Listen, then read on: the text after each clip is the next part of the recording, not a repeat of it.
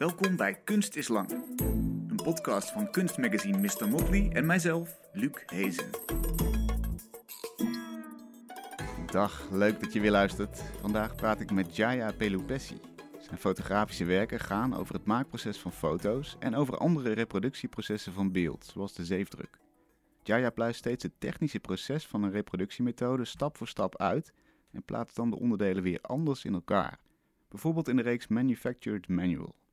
De ondergrond van die werken is steeds een zeefdrukraam, normaal gezien een onzichtbaar instrument om kopieën mee te maken, maar Jaya verandert de status van het raam door het als het ware als canvas te gebruiken en de verschillende kleurlagen op aan te brengen.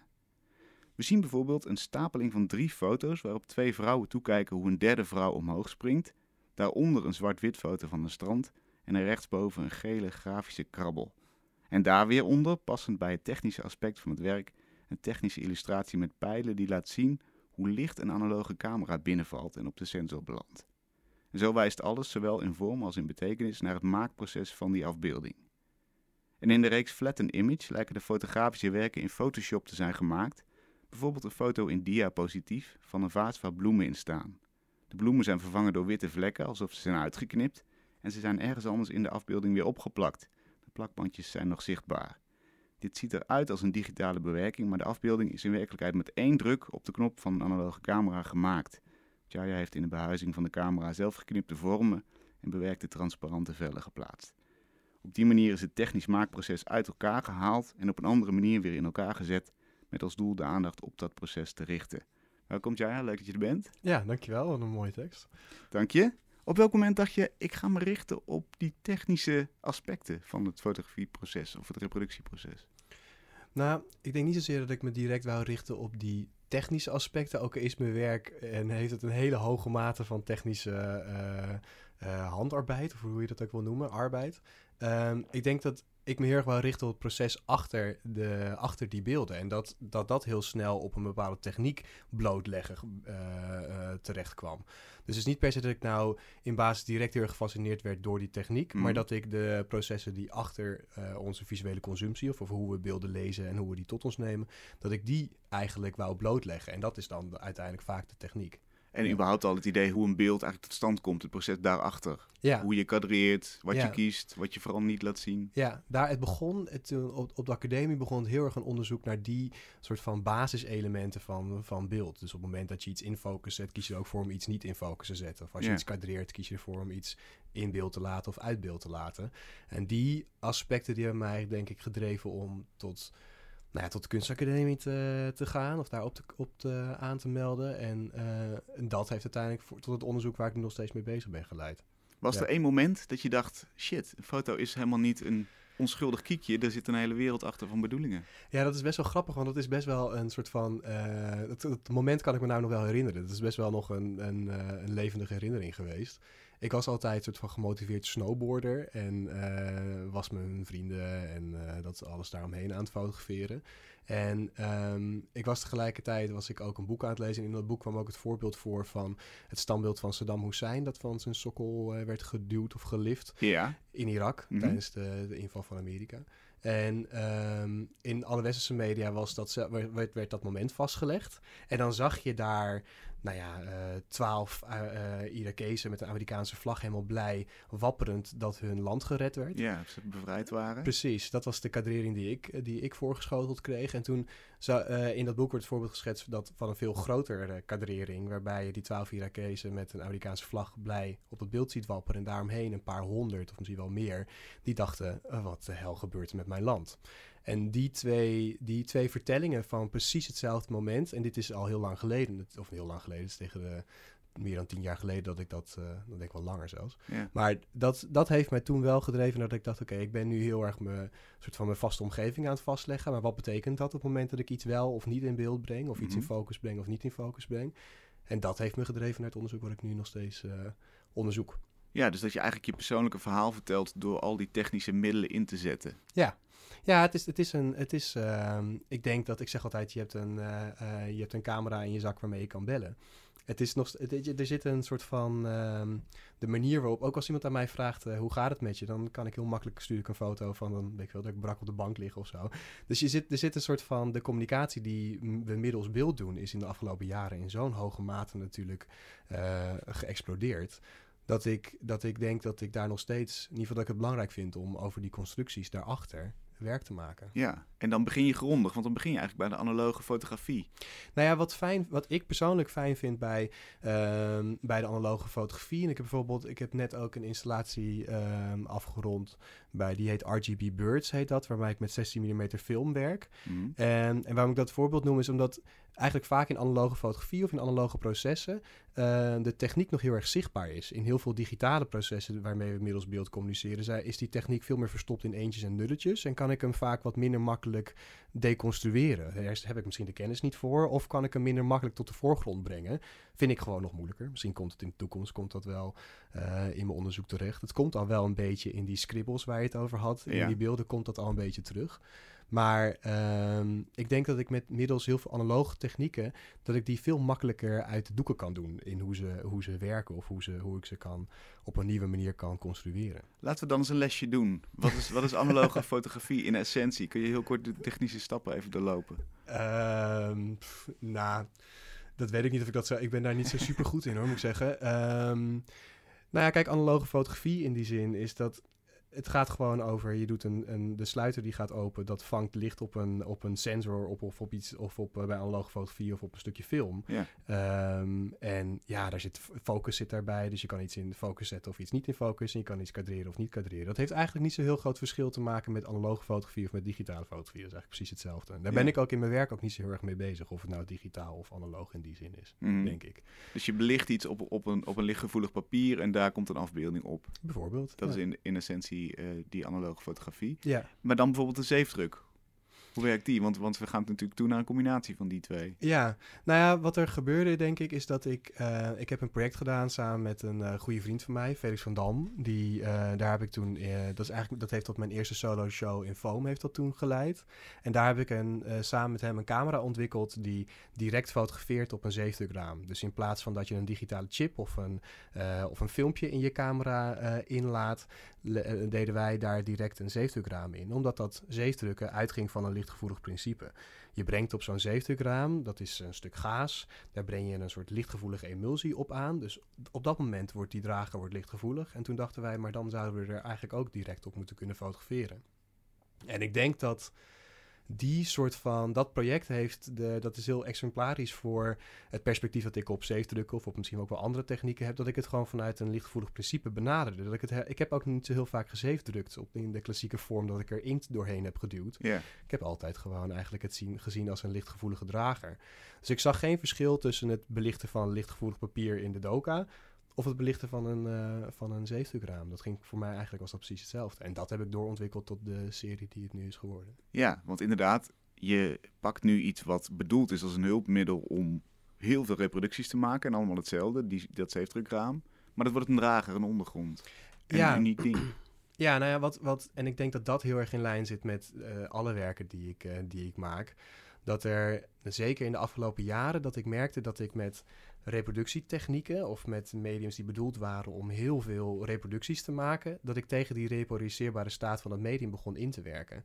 Dus dat ik daarmee unieke werken begon te maken. En wat ik heel mooi vond, en wat in ieder geval waardoor, ik, waardoor mijn aandacht vastgehouden werd, was dat ik met dat zeefdrukraam, dat instrument, dat bedoeld is dus, omdat zij heel mooi in je, in je tekst, dat, dat bedoeld is om heel veel reproducties van iets te maken, dat ik dat kon gebruiken als, uh, als het werk zelf, waardoor dat proces ook nou, op, die, op, op zo'n manier op een soort voetstuk werd geplaatst. En dat je, dat je door de drager van dat werk ook dat proces uh, de aandacht geeft. Ja.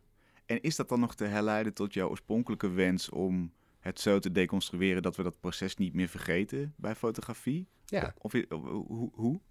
Nou ja, ik denk dat op. eh, ik kies er bijvoorbeeld bij die zetelramen kies ik ervoor onbewust. Ik koop echt over, het hele land. Ga rij stad en land af om een tweedehands zetelraam te kopen. Die ik dan aan de buitenkant van het raam helemaal mooi opschuur. Dat ze eigenlijk heel gepolijst als aluminium eh, eh, ramen eruit zien. Heel, eh, heel esthetisch. Maar aan de binnenkant laat ik die ramen laat ik altijd heel erg vies. Dat je dus de randen van waar het eigenlijk oorspronkelijk nog voor bedoeld is terug kan zien. Dus er zitten altijd, net als bijvoorbeeld wat je het had over die flat and image serie, waarbij ik in de donker, of in ieder geval in de camera stencils en sheets eh, in de camera steek om, nou ja, die eigenlijk die digitale beeldtaal in, de, in die analoge fotografie terugbrengt. Mhm. Daar zie je bijvoorbeeld de plakbandjes zie je daar nog in zitten. En allemaal dat, dat soort elementen zijn voor mij super belangrijk, omdat dat de, ehm, eigenlijk mijn eigen proces ook uit de doeken doet. Dat in plaats van dat ik het proces van hoe we met beeld communiceren probeer te deconstrueren, dat ik dat op nieuwe manieren doe, dat ik dat met mijn eigen proces natuurlijk ook moet doen, want anders dan blijft het ondergrondbaar. Ja, en het, het mag dus niet de illusie hebben van bijvoorbeeld een landschap of... Nou, het mag je- zeker. Ik denk dat het in eerste instantie dat ik heel erg op zoek ben naar die illusie, om hem tegelijkertijd ook dan te doorbreken. Ja, ja. Dus als je in eerste instantie... Er zijn, er zijn al een aantal ontmoetingen die je met een werk kan hebben natuurlijk. En de ontmoeting is altijd... Het werk zelf ligt, vind ik, altijd in het midden... tussen de toeschouwer en de intentie van de maker. ja. En ik denk dat uiteindelijk wat ik probeer met... dat je eerst in die illusie kan stappen... in die fictionaliserende functie die fotografie heeft... Mhm.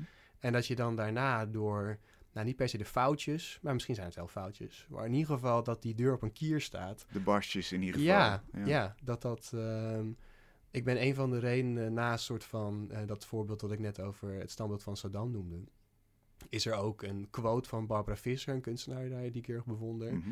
En die heeft toen ik op de academie zat, kwam ik ergens op een quote van haar terecht. En zij zei, op het moment dat je iets fotografeert, betekent het eigenlijk bijna per definitie dat je iets fictionaliseert.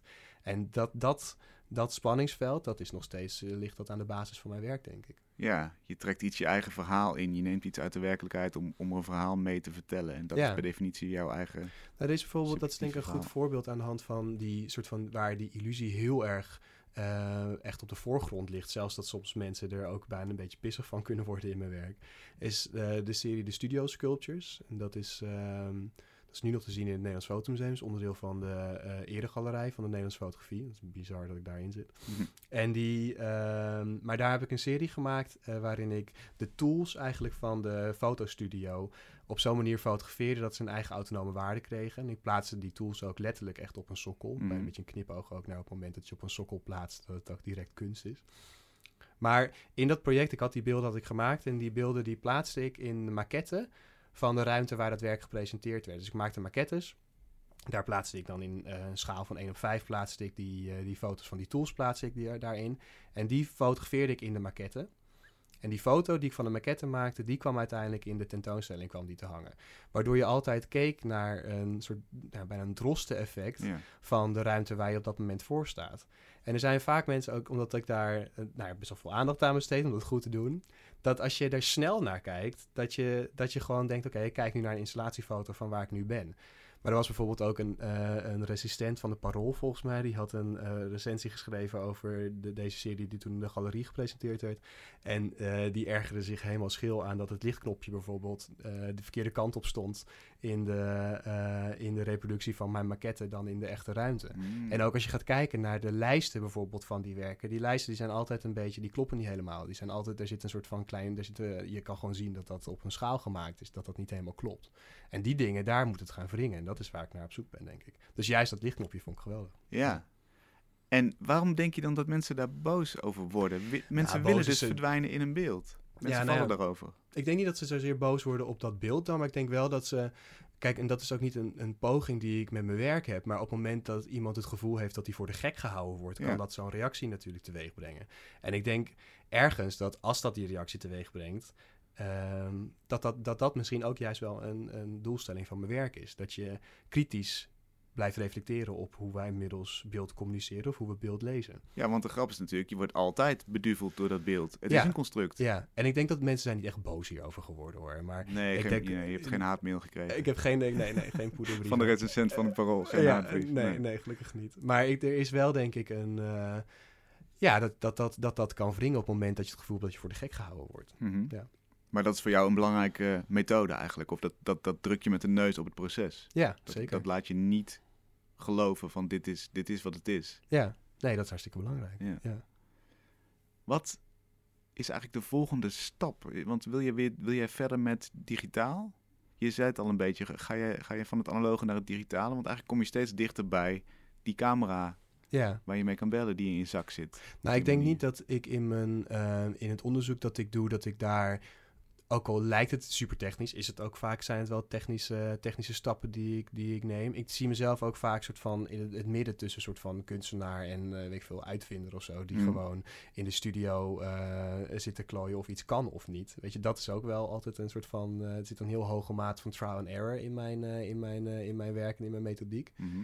Maar ik denk niet dat ik per se een techniek als uitgangspunt in mijn werk of in mijn onderzoek vaak neem.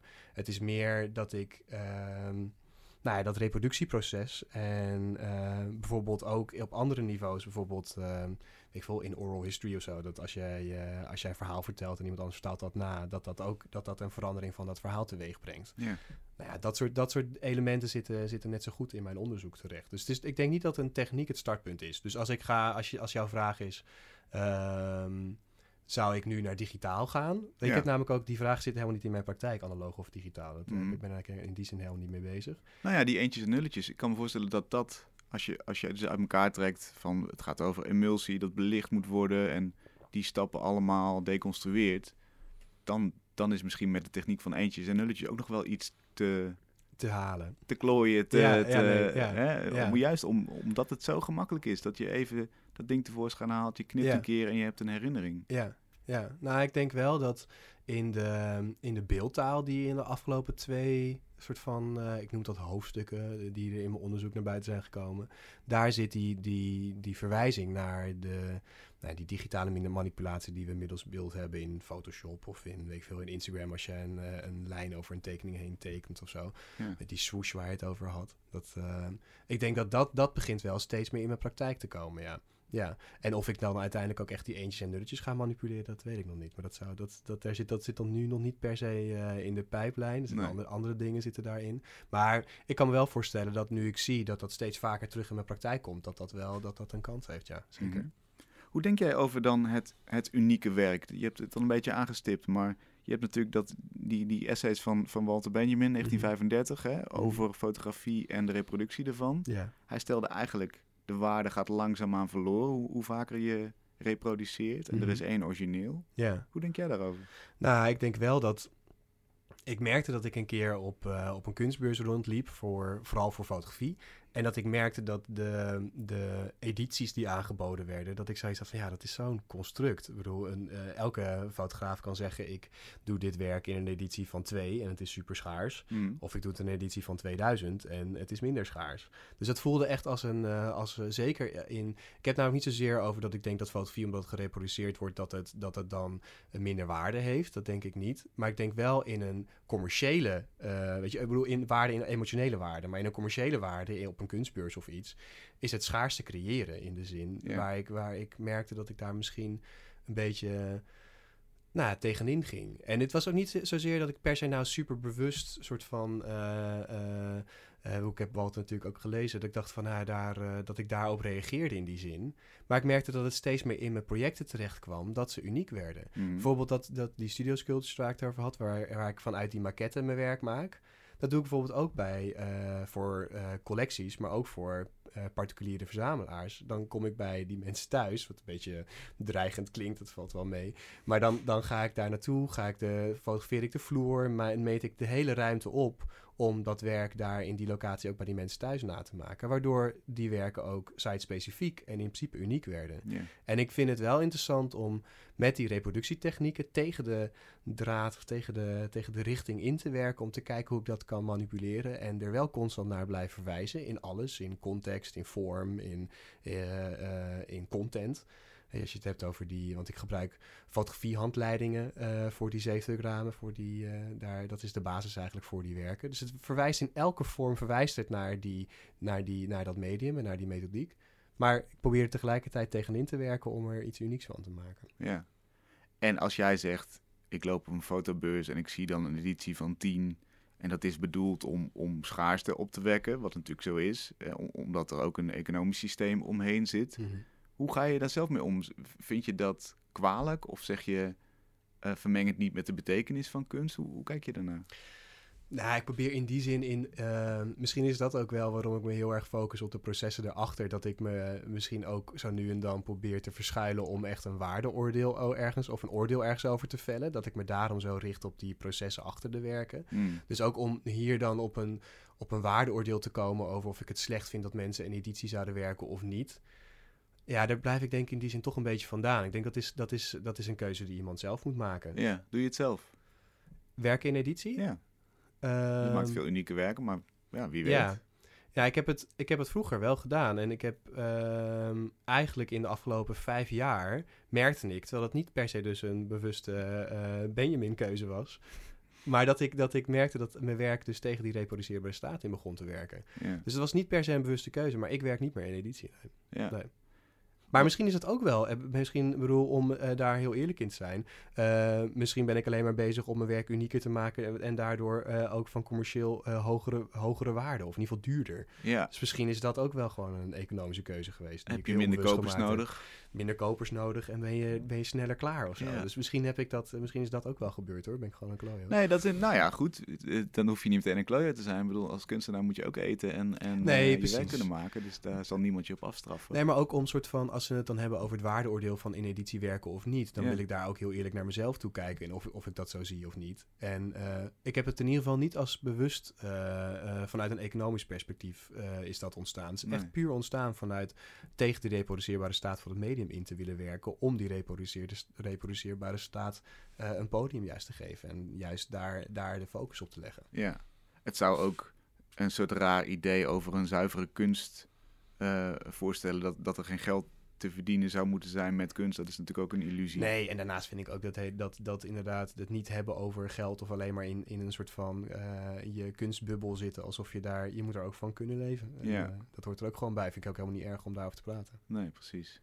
Jij geeft eh, inderdaad ook op wat er te zien is heel veel hints naar de techniek. Heel veel afbeeldingen komen letterlijk uit handboeken voor fotografie.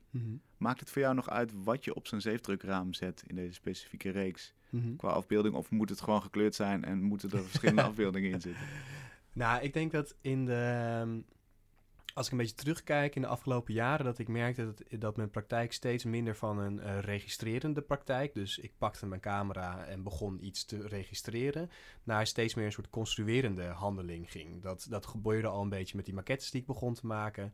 Toen ik daarna die eh, collages op lichtvolle papier begon te maken, merkte ik ook dat ik daar steeds meer ehm, construerend te werk ging. En bij die laatste serie, die Manufactured Manual werken, daar merkte ik dat ik eigenlijk heel veel vrijheid ervaarde in het combineren van bestaand materiaal. Dat ik ook een parallel zag tussen eh, hoe wij nu met beeld omgaan. Dat we steeds meer beeld, ehm, eigenlijk toegang hebben tot beeld in plaats van dat we het nou per se nog maken. Dus ik, daarin zag ik ook een hedendaagse soort van eh, tendens die ik eigenlijk ook wou adopteren in mijn praktijk. En eh, ik merkte, om op je vraag te antwoorden hoe dat, hoe dat dan ontstaat, dat ik daar juist heel veel vrijheid in ervaarde om die beelden eh, te construeren. En dat ik dat eigenlijk echt een hele fijne, fijn proces vond in mijn praktijk. Ehm, dat is denk ik een beetje, net voor corona denk begonnen ook. Dus misschien heeft het ook wel in een periode dat iedereen juist meer naar binnen ging, dat je minder naar buiten kon. En ik al heel lang een archief had van, eh, van die fotografiehandleidingen, die ik al jaren verzamelde. Mhm. En ik denk dat het ook, er zit een andere, andere reden voor dat materiaal, is dat ik het heel interessant vind dat het fotografie is dat zichzelf probeert uit te leggen. En die soort van, die soort, dat, eh, dat bijna dat droste effect dat, dat daar dan in zit, dat zit ook een beetje in mijn werk. Dus, dus er zaten meerdere niveaus waarop ik dat, eigenlijk dat materiaal wat ik al heel lang verzamelde, wou, wou gebruiken. Ehm, en dit was eigenlijk de perfecte nou ja, manier om dat door te onderzoeken. Ja. Want het zou natuurlijk kunnen zijn dat mensen die helemaal niet weten wat dat voor afbeeldingen zijn, dat die heel erg in betekenis gaan zoeken Ja, dat is prima. naar Ja. die twee vrouwen die kijken naar een andere vrouw die omhoog springt, Ja. terwijl dat gewoon een, een, een, een handboekfoto is. Ja, en dat vind ik eigenlijk juist wel, dat vind ik echt super interessant aan. Dat de, de context van waarin je het werk presenteert, de betekenis van dat, van dat werk dan in die zin ook verandert. Mhm. Dat vind ik interessant. En dat is een heel belangrijk onderdeel van, nou ja, de communicatie middels beeld die, eh, die ik probeer bloot te leggen. En daarnaast dat er een soort van meerdere niveaus waarop je dat werk dus kan benaderen. Dat je het kan eh, eerst op esthetisch niveau, van wat doet het eh, misschien emotioneel met me? Of hoe vind ik dat die vrouw springt en in relatie tot die andere en daar een narratief in gaat ontdekken. En dan daarna misschien op conceptueel niveau dat je gaat kijken, maar waar, waar, hoe verhoudt dit beeld van die springende vrouwen zich dan tot die grafische tekening van hoe je uh, in de donkere kamer licht moet, uh, of uh, een lichtvoelig papier eventueel moet, moet belichten. Mm -hmm. Hoe gaat die relatie dat dan aan? En dat zoeken naar die betekenis in beeld en de totstandkoming van dat beeld, dat is een van de doelstellingen die ik in mijn werk heb. Dus dat vind ik juist wel interessant, dat er meerdere narratieven kunnen ontstaan en dat, dat je de, nou, het, de context van waar die beelden vandaan komt ook kan ontdekken. Ja. En zou het ook mogelijk zijn dat jij foto's gebruikt die bijvoorbeeld uit je privéleven komen of dat je probeert ja. iets van, van, je, van jezelf daarin te stoppen? Nou, ik denk dat wat, er, wat daar heel erg vanuit mezelf natuurlijk in zit, is de compositie en de manier waarop die beelden ontstaan. Ze worden ook uh, in het afgelopen jaar merk ik dat die, uh, die werken die ik in dat project aan het maken ben, dat die steeds ook abstracter worden. Het worden steeds meer crops of steeds minder herleidbaar naar de, naar de functionele context van die beelden. Dus ik merk dat dat al, dat dat al een tendens die in dat project uh, zich door aan het ontwikkelen is. En ik, moet, ik heb ook wel eens geprobeerd om daar eigen materiaal in te stoppen. En dat voelde, op dat moment voelde dat gewoon nog niet helemaal kloppen. Ik kon nog niet helemaal rijmen waarom en hoe dat, uh, hoe dat in, in relatie tot die hele collage zou werken. Mm. Ik heb het wel geprobeerd, maar het is, nog niet, uh, het is nog niet. Ik heb er een aantal liggen in de studio. Maar die zijn nog niet, uh, die zijn nog niet op het niveau dat ik denk van oké, okay, hier, wil ik, hier wil ik verder mee. Wat grappig eigenlijk. Is, is het, is, is, zou de betekenis dan iets vertroebelen of zo van, van de focus van het werk? Of hoe, hoe, welke nou, misschien ben ik ook soms een, een nou dat klinkt te heftige uitspraak, maar een soort van slaaf van mijn eigen concept. Dat ik dan vasthoud aan dit, dit vind ik kloppen. Mm -hmm. Dit, dit, dit uh, rijmt volledig uh, met hoe ik dat werk uh, bedoel. En in methodiek, dus de, de, die zeefdrukdragers. En in content. Dat ik nog niet voor mezelf... Misschien durf ik nog niet helemaal los te laten aan dat concept... om mijn eigen werk daarin te laten. Omdat ik het dan... Niet dat, dat ik het nou belangrijk vind dat je al je werk moet kunnen verantwoorden. Helemaal niet. Vind, je moet, dat moet ook juist los kunnen ontstaan. Mm -hmm. Maar tegelijkertijd ben ik nog niet daar om dat, dat werk erin uh, in te laten fietsen. Ja. Nee, dat is inderdaad wel... Uh... Wat, wat vind jij de waarde van kunst? De, de betekenis van kunst, zoals jij het inzet? Even een kleine vraag tussendoor. een hele kleine vraag tussendoor. Pff, wat vind ik de waarde van kunst? Dat vind ik een hele moeilijke vraag. Um, nou ja, kijk, ik denk voor mij dat, dat als, je het, um, als je naar mijn werk kijkt en dan probeer ik het dan in doelstelling te formuleren. Als je binnen mijn werk soort van een kritische blik ten opzichte van, van beeld kan genereren en dat het je een andere manier, op een andere manier kan laten kijken, vind ik dat een, voor mij persoonlijk een belangrijke waarde van kunst. Mm. Dat, dat dat kan. En tegelijkertijd heb ik ook heel erg dat het ook... Maar dat is gewoon iets waar ik de laatste tijd zelf mee bezig ben. Dat staat een beetje los daarvan. Maar dat kunst ook, dat het ook heel irrelevant kan zijn. Dat het, uh, um, hoe zeg je dat? Dat het ook gewoon een experiment van een kunstenaar kan zijn. Die, waar, die, waar die helemaal op, op uh, los is gegaan of zoiets. Dat het niet, dat het niet altijd uh, die conceptuele relevantie... die ik in mijn werk heel erg belangrijk vind... dat het dat per se nodig heeft of zo. Het klinkt bijna alsof je zegt dat, dat daar concentreer ik me zo sterk op dat ik ook wel een beetje tegenwicht nodig heb of zo. Dat, dat het irrationele, het niet-productieve mag ook wel een podium hebben. Is het in, is het in dat licht? Ja, dat denk ik wel, ja. Ja, ja het is wel grappig, ook het niet-productieve. Ik merkte dat ik, uh, dit is een volledige side story hoor, maar dat ik, uh, uh, ik ben net vader geworden en dat ik heel bang was voor het feit dat ik misschien super efficiënt zou gaan worden in mijn praktijk. En efficiëntie is voor heel veel dingen super relevant en heel belangrijk. Dus Ja. ik, zou super, ik zou heel graag efficiënter willen worden in mijn belastingdienst of in mijn soort van mijn boekhouding. Maar eh, een soort van inefficiëntie of eh, ruimte voor niks. Dat vond ik. eh, ik was bang dat ik dat niet meer, dat ik dat niet, mezelf niet meer mijn eigen creatieve proces zou permitteren. Dat, Dat is alleen nog maar zo, edities zou uitschrijven. Eh, Misschien, ja, I, I don't know. Maar dat daar soort van, dat ik daar was ik, daar was ik een beetje bang voor. Dat is uiteindelijk helemaal niet zo gebleven. Maar kennelijk inderdaad, nu dat ook zo onproductief of dat ik daar dat, ik- dat ik dat belangrijk vind. Ja. Ja, want dat is waar iets artistieks ontstaat. Dat kan niet in een productieve uh, hyperschema, zeg maar. Nee, en ik denk ook dat ik, als, om dat terug te, terug te herleiden naar een soort van de methodieken die ik in mijn werk ontwikkel, ik ehm, in mijn werk bouw eigenlijk bewust de hele tijd eh, methodes in die ik niet volledig in de hand heb. Zodat dat werk me eigenlijk altijd kan blijven verrassen en ik niet de volledige controle over dat werk hou. Die zeefdrukwerken, dat die, die, die emulsies die ik zelf gemaakt heb, dat heeft twee jaar gekost om dat een heel klein beetje naar mijn hand te krijgen tot iets wat ik presentabel vind. Want je hebt iets moeten ontwikkelen Ja, wat er zit- nog niet was eigenlijk. ja.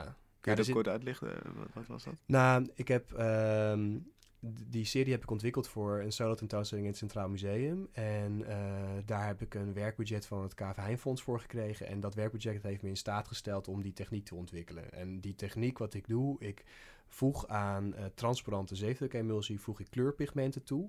Waardoor ik de kleur van die emulsie die je op dat zeefdrukraam uh, aanbrengt kan, uh, kan sturen. Mm -hmm. En op die manier meerdere belichtingen, meerdere kleurbelichtingen over elkaar heen op dat zeefdrukraam kan, uh, kan opbouwen. Waardoor dat zeefdrukraam zelf de drager of het canvas van dat werk wordt. Ja, waardoor je dus ook een full color afbeelding ziet. Precies. Door die verschillende lagen samen. Ja.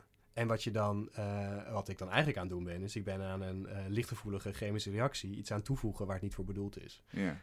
En uh, als je het zo, zo vertelt, dan, dan nou oké, okay, dat kan je doen. Maar dat heeft dus twee jaar gekost om ja. daar de, de belichtingstijd, de juiste, juiste ratio van emulsie en, en, en pigmenten toe te voegen. Welke pigmenten, allemaal dat soort testen. Dus er zit een hele hoge mate van trial and error in mijn werk, die ik ook heel interessant vind en ook belangrijk vind. Maar die er ook voor zorgt dat ik dus dat werk nooit volledig onder controle heb. Ja. Wat heel leuk is, in soort van in een subsidiezin of in een soort van, kijk, zo, kijk, zo maar wat in, in, in praktijk af en toe ook echt verschrikkelijk is. Omdat het gewoon, dan, gaan, dan gaat er gewoon maanden aan werk kan ineens verloren gaan. Ja, precies.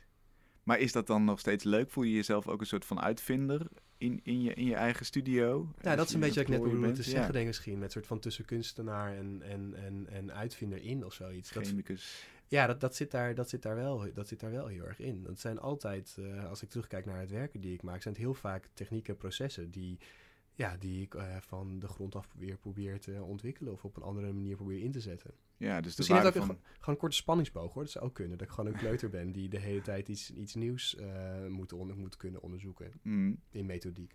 Dus als je inderdaad zegt de waarde van kunst is anders te laten kijken naar fotografie, dan is dat ook al in het maakproces voor jouzelf de waarde. De, de nieuwe dingen te leren, ja, absoluut. grenzen te verschuiven. Ja, absoluut. Ja. En uh, hoe zit het dan als je nu zegt, ik heb de spanningsboog van een kleuter, hoe zit het dan met jouw eigen beeldgebruik? Social media, we, worden, we krijgen natuurlijk een stortvloed van beelden. Ja, nou, ik blijf dat is in een soort van, vanuit professioneel optiek of zo, van hoe ik, hoe ik omga dan met mijn Instagram-account. Ook al is dat heel erg, eh, daar ga ik dus heel weinig misschien mee om. Maar ook omdat ik dan de context waarin, als je dan, weet ik veel, je bent er doorheen aan het scrollen en je bent Kim Kardashian, Kim Kardashian en een fotowerk van Jaya. Yeah. Dat, dat voelde toch, of vind ik dat alsnog vind ik dat moeilijk om daar, daar om, ook omdat mijn werk daar zo over gaat. Vind ik dat nog steeds een moeilijk medium om, om mijn werk in te presenteren en hoe ik daar dan mee omga. Ehm, Is het een optie om dat helemaal niet te doen, ehm, wat jou betreft? Heb je dat overwogen? Ja, heb ik wel overwogen.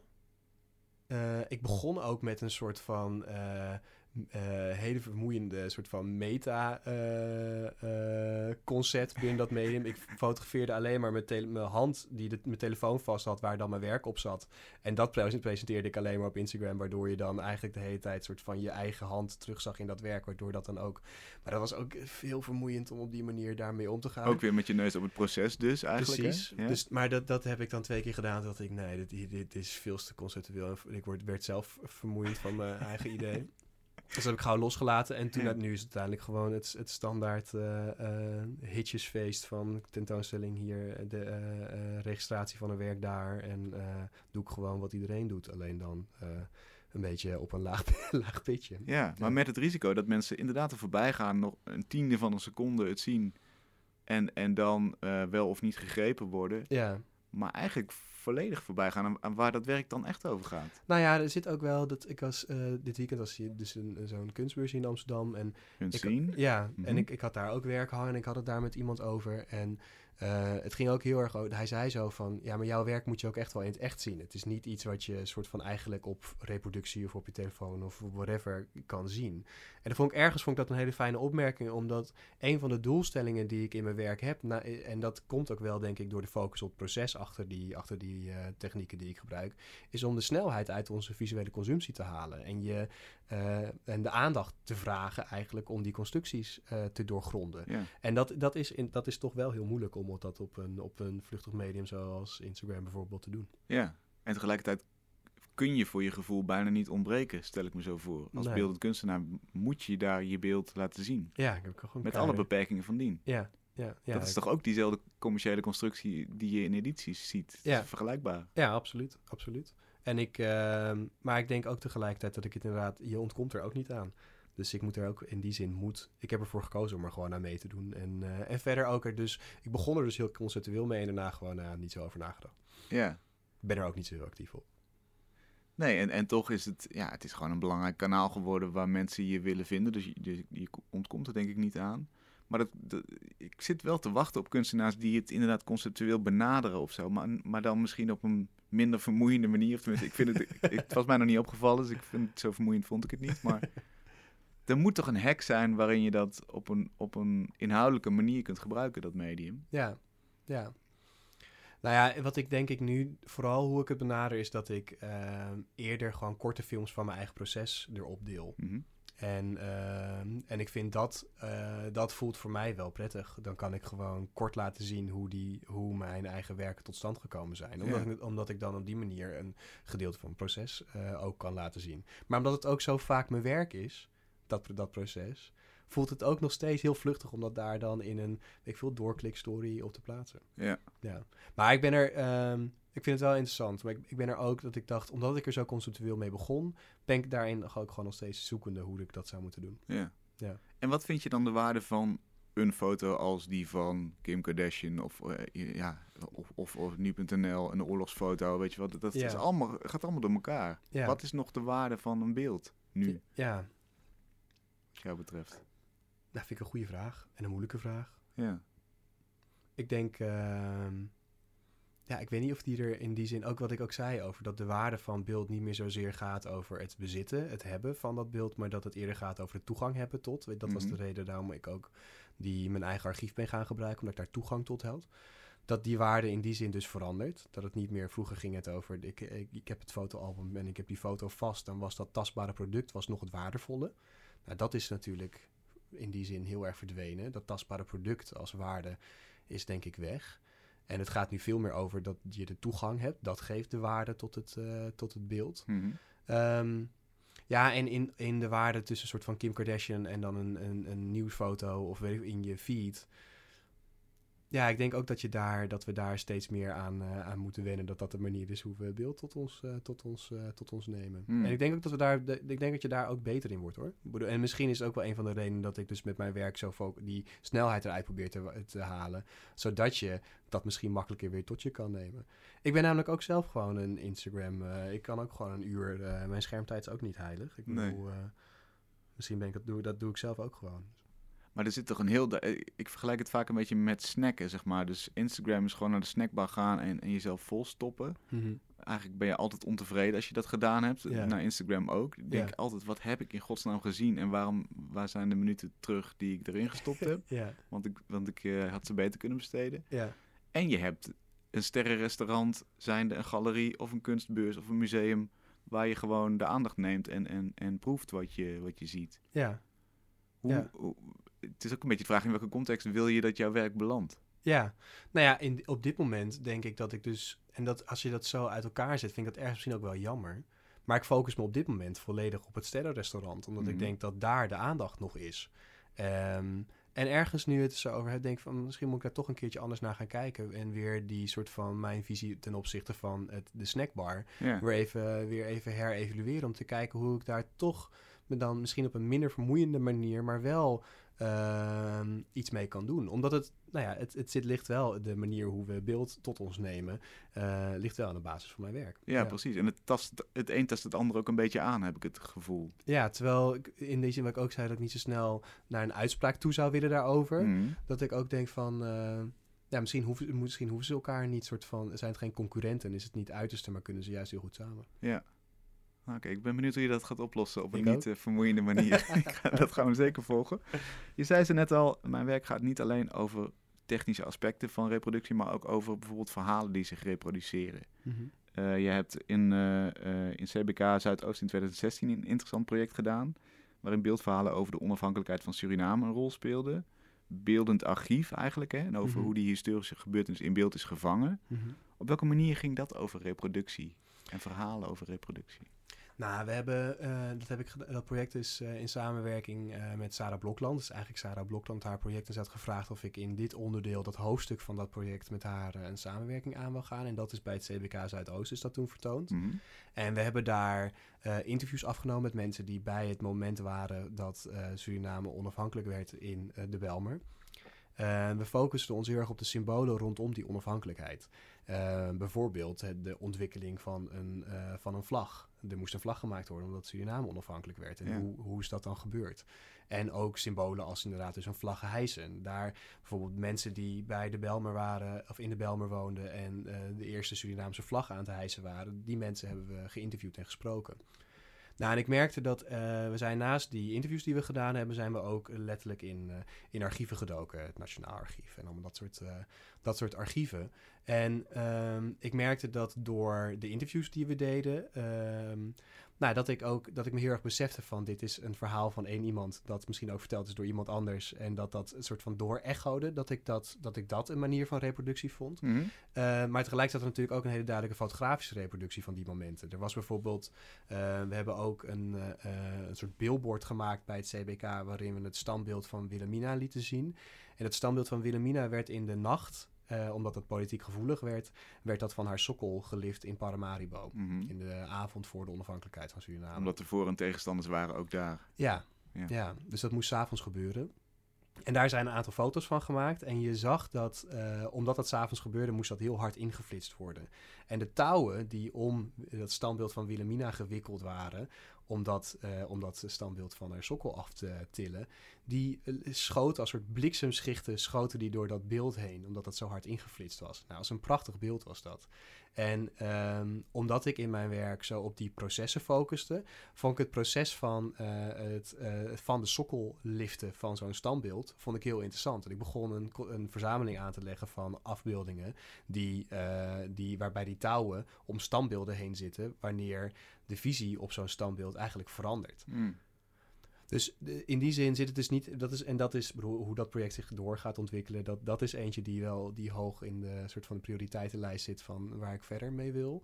Um, en welke kant dat precies opgaat, dat weet ik nog niet helemaal. Ik ben in ieder geval heel erg op die touwen aan het richten, op die processen van die momenten. Mm -hmm. Ik zit erover na te denken om die, die touwen daar afgietsels van te gaan maken en daar marmeren installaties mee te gaan bouwen of iets dergelijks. Maar die, die touwen te reproduceren. Maar het is wel in ieder geval een voorbeeld om, te, om uh, de breedte waarin dat onderzoek van mij plaatsvindt uh, in te kaderen. Ja, precies, om dat te illustreren. Ja.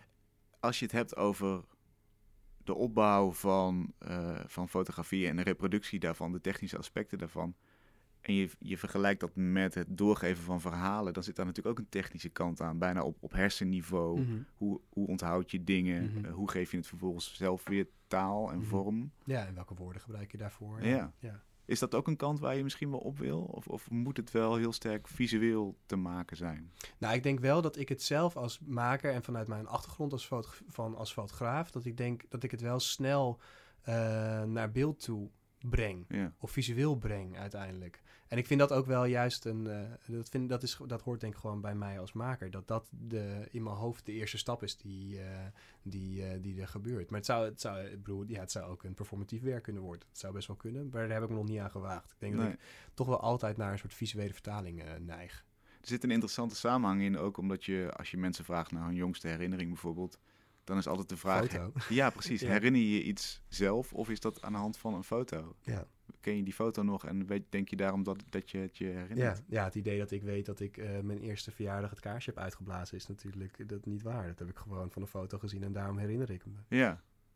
Wat eigenlijk maar weer ziet, aantoont hoe machtig die beelden zijn. Ja. Die, die, uh, ja, die bepalen gewoon welk verhaal we over onszelf vertellen en over ja. de maatschappij. Ja, tuurlijk. En daarom, de bedoel, niet om alleen maar mijn werk in een soort van maatschappelijke urgentie te zetten, maar ik denk om die constructies toch steeds maar bloot te geven, dat ik denk dat dat, dat, dat nog steeds een bepaalde uh, maatschappelijke urgentie heeft. Ja, zeker. Ja, mede daardoor. Omdat het ons zo vormt. Ja, en tegelijkertijd geeft het ook heel veel macht aan mensen, want als zij eenmaal beseffen hoe machtig hun eigen beeld is, wat ze zelf kunnen maken, mm. Uh, ja, hoe, hoe, verantwoordelijker of hoe, hoe beter ze daarmee om kunnen gaan. Ja, en dan als je dat dan terugtrekt naar, naar Instagram of naar, dat is natuurlijk daar op zo'n podium in uh, de, het vormgeven van weet ik veel filters die je erover hebt of het presenteren van de, je ideale zelf. Ja. dat is natuurlijk daar heel erg. Ja. Maar het staat ook nog in de kinderschoenen wat mij betreft. Het is, het is, het is nog steeds heel erg de, ja, het kanaal zoals het is opgericht en zoals Instagram er geld mee verdient. Mhm. Eh, laten we daar vooral iets meer eigen verantwoordelijkheid en iets meer eigen eh, ja, functionaliteit in brengen, toch? Ja, ja, ja, nee, zeker, daar ben ik het mee eens. Ja, nou goed, dat was geen vraag, maar eh, laten, we, laten we het zo afsluiten. En ik, ik ben heel benieuwd hoe je daarmee om gaat springen. Ja. Wat is het volgende wat we van je kunnen gaan zien? Ehm, nou, ik heb dus na de solo in het Centraal Museum heb ik een aantal, heb ik een solo in de galerie gedaan. En dan ben ik een aantal beurzen met mijn beurspresentaties met mijn werk gedaan. Hier in Amsterdam, hè? Op? Ja, ja, ja. En eh, daarna heb ik een ver gedaan en dus het afgelopen weekend heb ik een zien eh, werk gepresenteerd. En omdat het unieke werken zijn, zijn het, en ik wel eigenlijk altijd dan weer nieuwe werken ervoor wil maken, zit daar altijd een hele hoge mate aan, aan productie en aan ontwikkeling voor. En ik ben nu over anderhalve maand, dan presenteer ik een solo op eh, Paris Photo in Parijs. Ah, kijk. Dus daar kijk ik erg naar uit. En daar moet nog iets voor gemaakt worden, of heb je daar wel al een werk voor geselecteerd? Daar moet nog heel veel voor gemaakt worden, ja. ja, ja. Succes. Dankjewel, leuk dat je er was. Thanks. Tot zover Kunst is Lang voor deze week. We zijn er natuurlijk volgende week weer. En dan vertel ik nog even dat we mede mogelijk gemaakt worden door het Prins Bernhard Cultuurfonds, het BNG Cultuurfonds en het KF Heijn Fonds. Waarvoor dank. We zijn er volgende week weer. Tot dan.